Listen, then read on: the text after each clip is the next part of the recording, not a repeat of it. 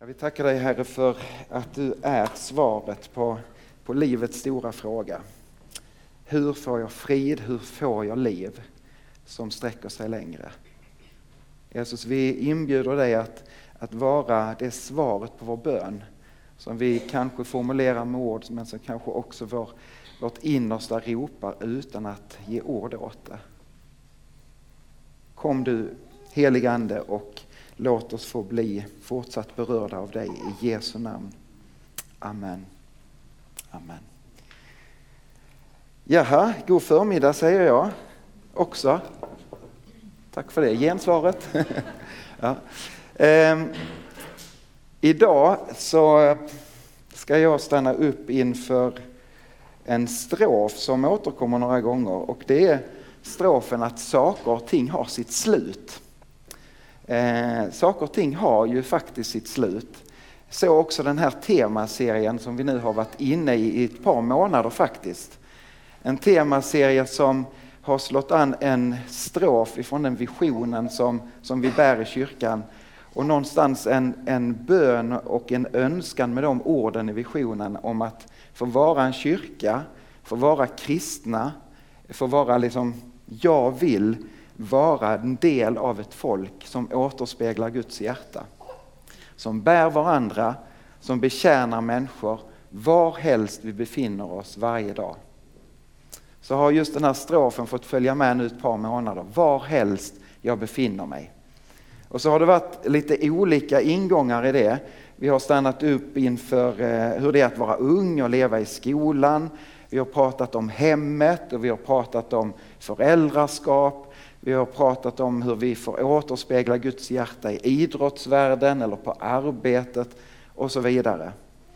Och, och livet ser ju kanske lite olika ut för oss. Vi har liksom olika platser under veckan, vi har olika platser sinsemellan också, där vi får lov att leva med den här kallelsen, att återspegla Guds hjärta. Även om det ser olika ut så har vi det här gemensamt att Jesus delar varje stund med dig och med mig. Och där jag går fram tillsammans med honom så får jag lov att reflektera Gud själv. Det är ju fantastiskt. Så som avslutning på den här temaserien så, så sa vi då att ja, men nu har vi gått igenom på något sätt livet och ska vi också ta det här att återspegla, eller varhelst jag befinner mig, att åldras. Jag minns hur, hur Karl, min kära fina kollega, han satt där inne på kontoret när vi sa det. Ja Magnus, det är väl mest naturligt att du tar den predikan. Jag vet inte riktigt vad han menar med det. Men visst är det lätt att man eh, knyter det an till just det där att åldras. Och jag har frågat runt lite grann i veckan. Vad tänker du på att, när du hör det här att åldras? Ja men så kommer det lätt det här att vara gammal. Eh, och jag, när jag tänkte på det så, så kom jag att tänka på en predikan som, som jag hade här för några år sedan. Eh, där vi också stannade upp för livets olika skeden.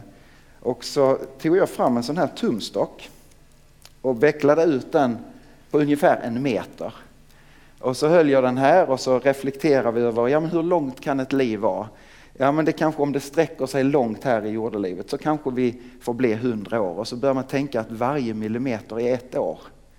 Och så gjorde man den här reflektionen. Ja, blir jag rätt då eller?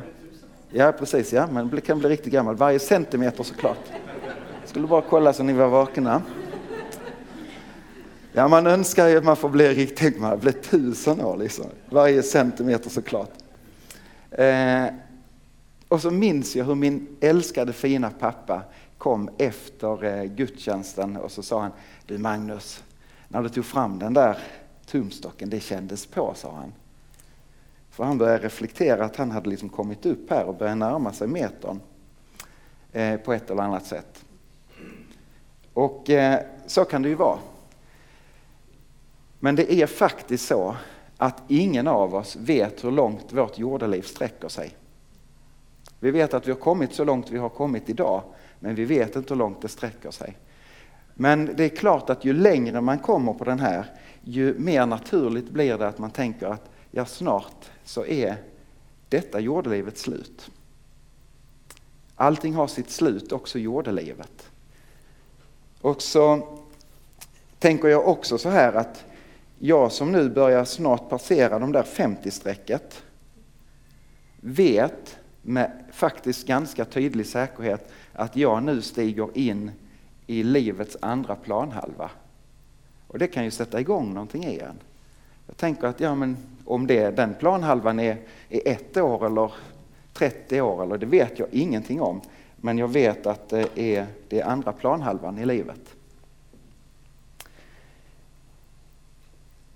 Så pratade jag med David Andreasson, en av våra medlemmar här i veckan också och, och reflekterade över det här. Och han har levt ytterligare några decimeter i förhållande till mig och är några år livserfarenhetsrikare än vad jag är. Och så sa han så här att, eh, ursäkta om jag nu citerar dig, men jag kollade ju faktiskt lite grann av det innan. Men sa det är så lätt att man tänker att livet går liksom, oh det är uppåt och sen så någonstans dalar det. Och så kan du ju naturligtvis känna, kroppen kanske inte orkar med på samma sätt och, och, det, liksom, det, och det behöver man inte bli gammal för att göra, men det kommer oftast med åldern. Och så är det lätt att vi tänker att det dalar. Men så sa David det här, men det är ju så här hela vägen. Det går ju uppåt. Och så, så slog han an en ton och ett perspektiv över livet som är oerhört viktigt att ha med sig. Nämligen att leva med ett hopp som sträcker sig längre. Eh, och det tänker jag skulle få vara lite rubriken för den här söndagens tema. Att åldras med ett hopp. Och det gäller ju faktiskt oss alla. För att åldras, det handlar inte om att vara gammal. Åldras gör vi alla. Den som sitter här inne och inte åldras funderar jag på. Eh, hur, hur lever du? Hur gick det? Du får kanske ha de där millimetrarna. När vi, så länge tiden går, så länge liksom det där tickar på, den där urverket, så är det en rörelse i livet igenom som gör att vi faktiskt åldras. Det lilla barnet åldras. Det lilla nyfödda barnet som, som plötsligt börjar gå i skolan, för så känns det som förälder många gånger, som plötsligt konformera, som plötsligt tar studenten eller kanske börjar få närma sig att stå på egna ben och skapa egna förutsättningar, ett eget liv med en egen familj och så vidare. Det är också att åldras. Och, och någonstans så tänker jag att låt oss leva liv med ett hopp, att vi åldras genom hela livet med ett hopp som inte bara är ett hopp om en bättre framtid lite grann, liksom, eller lite bättre förutsättningar, utan extremt mycket bättre förutsättningar. Nämligen ett evighetshopp. Som inte bara handlar om jordelivet här. Saker och ting har sitt slut. Så är också kyrkoåret. Vi befinner oss idag på domsöndagen, den där sista söndagen eh, innan vi nästa söndag får liksom inviga ett nytt kyrkoår. Det tänker vi kanske inte alltid sådär. Vi tänker nyårsafton ligger på nyårsafton. Men, men där är någonting av, av rytmen i kyrkans liv har varit genom hela kyrkans historia. Och där domsöndagen är en söndag som bär ett budskap som är både extremt allvarligt men samtidigt är så otroligt glädjefyllt. Bibeltexterna för den här söndagen speglar väldigt mycket av detta att vi har en tillvaro som sträcker sig längre. Och vi kan få leva med ett evighetshopp. Vi ska få läsa en av texterna för, för idag från Jesaja, där Gud han talar till profeten och eh, talar om, om en tid som ska komma. Och då står det så här. Nu skapar jag en ny himmel och en ny jord. Det som varit ska man inte mer minnas och inte längre tänka på. Nej, gläd er och jubla för evigt över det som jag skapar. Jag skapar om Jerusalem till jubel och dess folk till glädje. Jag ska jubla över Jerusalem och glädjas över mitt folk. Och där ska inte mer höras gråt och klagan. Saker och ting har sitt slut, också tiden. En dag så tar tiden slut.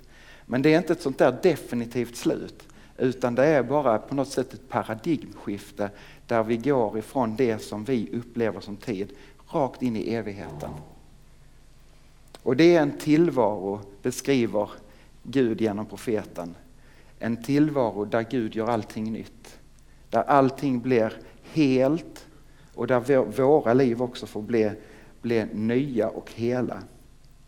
Och vi är inbjudna och vi är faktiskt skapta för den tillvaron. En fantastisk tillvaro. Att åldras med hoppet. Hoppet som också står, och det kan vi känna igen från, från eh, första Korinthierbrevet 13 där Paulus han skriver i kärlekens lov. Nu består tron, hoppet och kärleken. Tron, hoppet och kärleken. De beskrivs ofta med bilder som korset, ankaret och hjärtat. Tre storheter som hänger samman. Och man kan uttrycka det så här.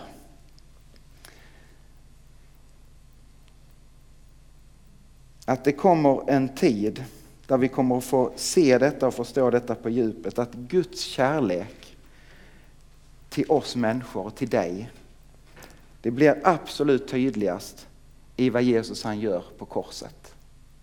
Så Guds hjärta, kärleken, blir synligast i korset. Och i tron på Jesus Kristus så får vi leva med ett hopp om att vi en dag ska få se honom ansikte mot ansikte. Så när vi talar om evighetshoppet så är det en riktning som vi får ha genom livet. Som inte bara säger att vi, vi lever här och nu, utan det handlar om att vi förankrar upp med Jesus. Och att vi faktiskt får leva med, med en tro på att vi en dag ska få kasta ankare i det som är vårt yttersta hem, nämligen i Guds närhet. Johannes, aposteln Johannes, han får också förmedla det som egentligen Jesaja han också förmedlar i sin profetia. Och vi kan läsa i Uppenbarelseboken 19 om det. Det ska komma en röst från tronen. Försök måla den här bilden. Jag tänker att, att Johannes han gör allt för att försöka förmedla det han ser. Men åh så svårt. Men, men bara försök måla bilden. Och det kom en röst från tronen som sa Prisa vår Gud, alla hans tjänare, ni som fruktar honom, höga och låga. Och jag hörde liksom rösten från en stor skara och liksom rösten av stora vatten och rösten av stark åska. Halleluja! Herre vår Gud, allhärskaren, är nu konung. Låt oss vara glada och jubla och ge honom vår hyllning, ty tiden har kommit för Lammets bröllop och hans brud har gjort sig redo. Hon har fått rätt att klä sig i skinande vitt linnetyg.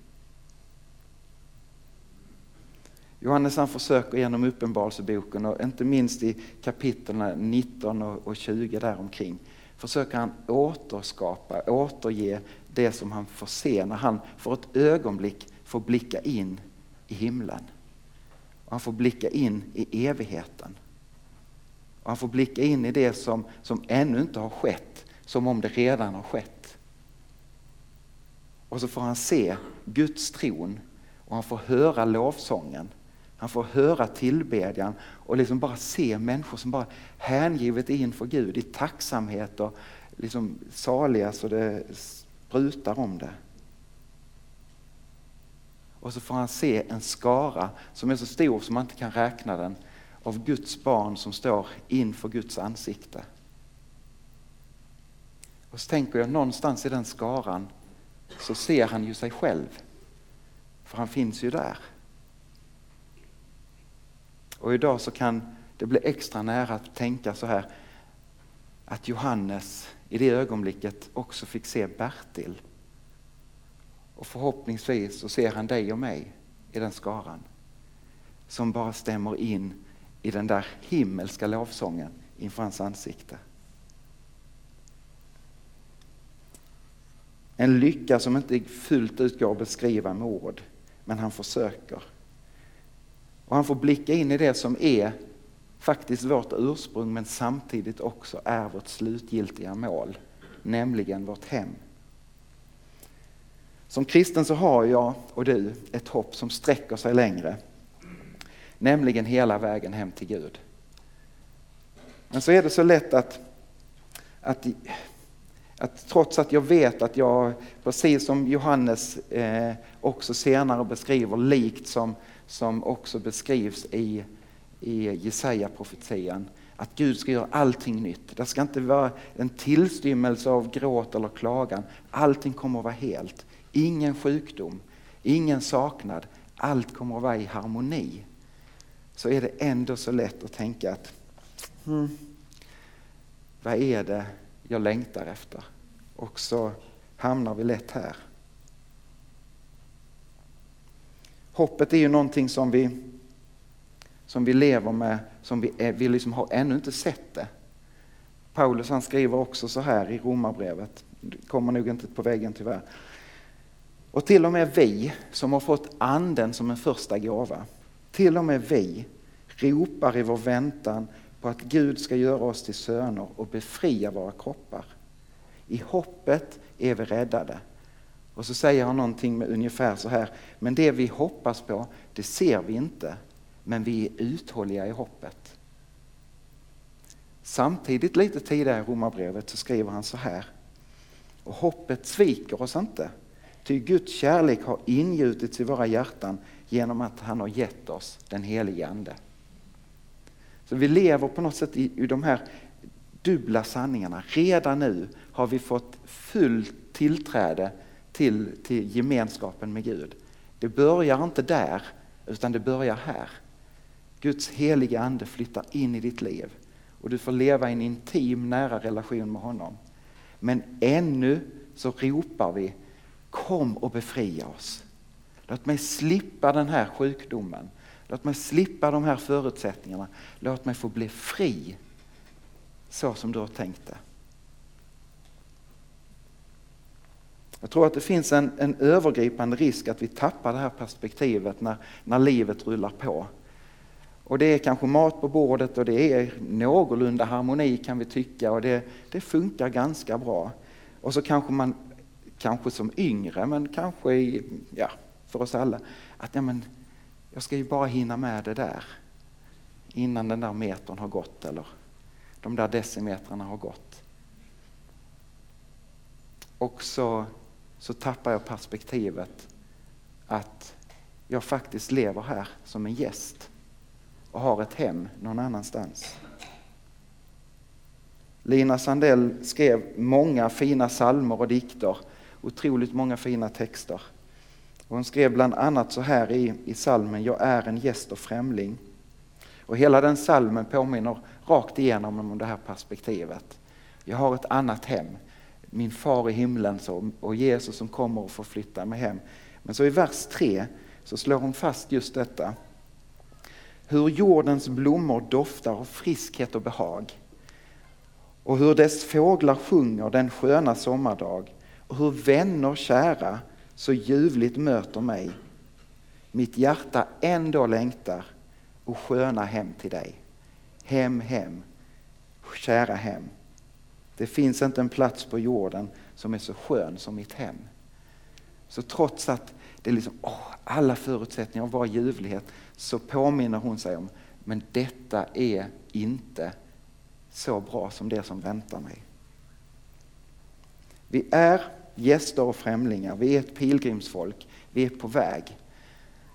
Det innebär inte att vi ska leva liksom världsfrånvända och säga att vi önskar oss inte det här livet utan vi är satta i det här livet. Det börjar på något sätt här, evigheten börjar här. Och vi är satta här med ett uppdrag, en kallelse att liksom förmedla Guds kärlek till varandra och Guds omsorg till varandra. Men slå inte ner dina bopålar för djupt här. För det är inte här du kommer att leva evigheten, utan det är inför Guds ansikte. Så tänker jag också så här att för de som befinner sig i, i någon av de där livets svårare passager, där, där liksom smärtan liksom gör sig påminn på, på olika sätt, så, så kan det där att leva med ett evighetshopp vara en tröst som faktiskt hjälper mig igenom de svåra passagerna. Men det kan också skrämma. För det är lätt också att lura sig och tänka, hur ska jag kunna leva i en evighet med mina erfarenheter? Hur ska jag kunna leva med mina sår och så vidare och så vidare. Men så kommer Bibelns budskap, se jag gör allting nytt. Det kommer att vara en tillvaro där inte längre saknaden och, och så vidare gör sig påmind. Allting gör jag nytt. Det är en förvandling som på ett sätt börjar här. I tron på Jesus så flyttar den helige Ande in och jag är en ny skapelse. Men jag får brottas med den där gamla Adam genom livet. Men en dag så kommer han att begravas, den gamla Adam. Om ni nu förstår bilden. Förstår ni inte så fråga på fikat någon som ser klok ut. För du känner honom, jag vet det. Du känner den där gamla Adam. Eh, om du är man eller kvinna, det spelar liksom ingen roll. Detta hoppet tror jag vi behöver påminna oss om, om och om igen. Att leva med ett rätt perspektiv. Med, med liksom en, en visshet att ja, jag får ha en relation med Herren här. Men den kommer att få sin fullbordan den dagen jag får flytta hem och när Jesus kommer tillbaka. Och tänk er när Jesus kommer tillbaka, när tiden en gång är slut och han kommer tillbaka i härlighet så ska alla människor oavsett stå inför honom. Måtte inte våra hjärtan då vara så förhärdade så att vi inte faller ner i tillbedjan och säger Jesus, jag vill vara med dig.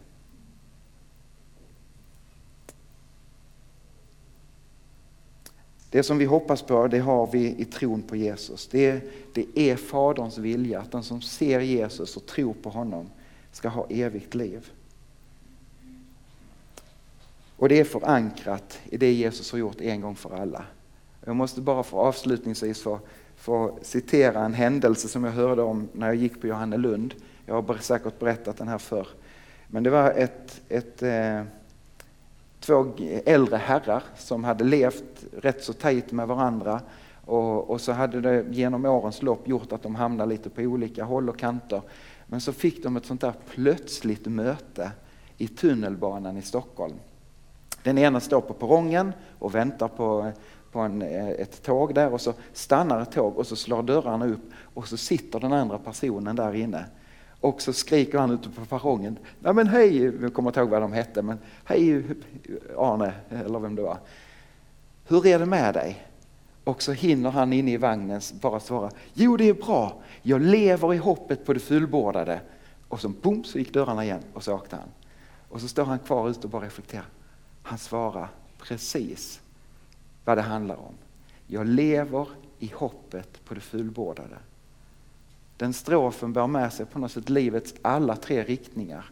Jag lever nu. Jag lever här och nu i hoppet på det som ska komma av det redan fullbordade, alltså det som redan har skett en gång i tiden. Jag lever i hoppet på det fullbordade. Ta till dig de här trösterika orden som Jesus han säger själv. Den som kommer till mig ska jag inte visa bort. När vi säger vårt ja till Jesus, när vi vänder vårt liv till honom, så kan jag få säga välkommen hem. Låt oss vara ett folk som lever med perspektivet att vi vill välkomna fler hem. Ska vi be tillsammans. Tack kära Jesus för, för att du har tålamod med oss Herre. Du ser hur snabbt vi kan springa vilse, hur snabbt vi liksom sänker blicken, hur snabbt vi kan få fel perspektiv i livet. Men tack för ditt ord som, som ständigt uppmuntrar oss att vända om till dig, att, eh, att vila i tron på, på vem du är och vad du har gjort. Jesus, jag ber för oss alla här var och in nu att vi får, får vila tryggt i nåden, i tron på dig. Och jag ber här att vi får leva med den, den förvissningen eh, genom hela livet när vi åldras, så länge tiden går för oss och klockan slår för oss. så ber vi att vi får leva ett liv där det får reflektera till de människor vi möter.